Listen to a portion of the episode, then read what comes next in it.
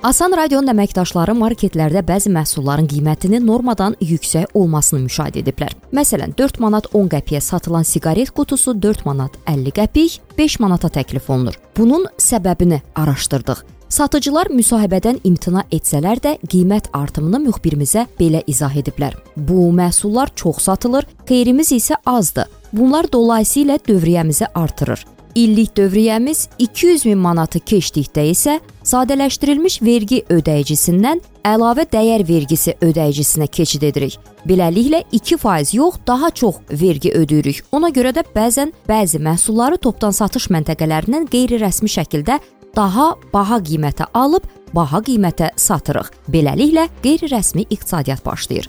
Azərbaycan qiymətləndiricilər cəmiyyətinin sədri iqtisadçı Vüqar Oruc Asan radioya bildirdi ki, hər sahədə qiymət artımı var. Ona görə də ƏDV limitinin artırılması yaxşı olar. Bu iqtisadi inkişafa gətirib çıxaracaq. Bir çox sahibkarlıq subyektlərinin müxtəlif vasitələrlə vergidən yayınaraq ƏDV ödəyicisi olmaq istəməməsi faktı aradan qalxa bilər və tam bir şəffaflıq yarana bilər. Bunun məbləği barədə də diskussiya aparmaq olar. Mən təklifimdə bildirmişdim ki, heç olmasa ilk ilkin mərhələdə 200 mindən ƏDV limiti 300 minə qaldırılsın. Fərqli fikirlər də var. Vahid Əhmədov səhv eləmirəmsə 400 min civarında bu limitin müəyyənləşməsini təklif edir. Tamamilə e, mən də bu fikirlə razıyam. Mərhələli qaydada ölkə iqtisadiyyatına xüsusi təsir göstərmədən tutaq ki, elan etmək olar ki, 2023-cü ildə əlavə dəyər vergisi 200 mindən 300 minə,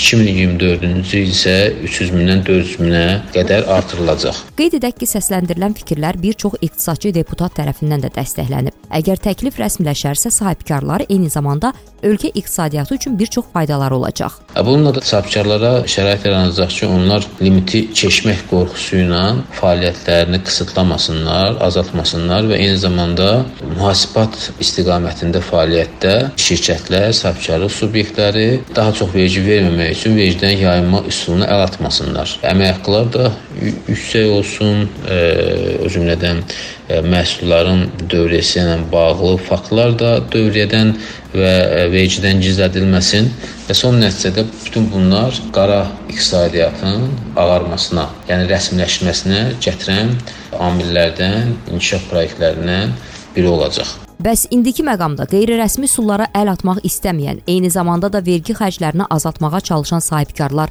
nə etməlidirlər? Vergi üzrə ekspert Mahmud Abbas Quliyev Asan radioya bildirdi ki, sadələşdirilmiş vergi ödəyiciləri gəlirin 2% məbləğində vergi ödəyirlər. Limitə yaxınlaşan iş adamları isə könüllü olaraq sadələşdirilmiş vergi ödəyicisi olmaqdan mənfəət və ya gəlir vergisi ödəyicisinə keçid edə bilərlər. Artıq onlar mikro sahibkarlıq subyekti hesab ediləcəklər. Bunun da bir çox üstünlükləri var.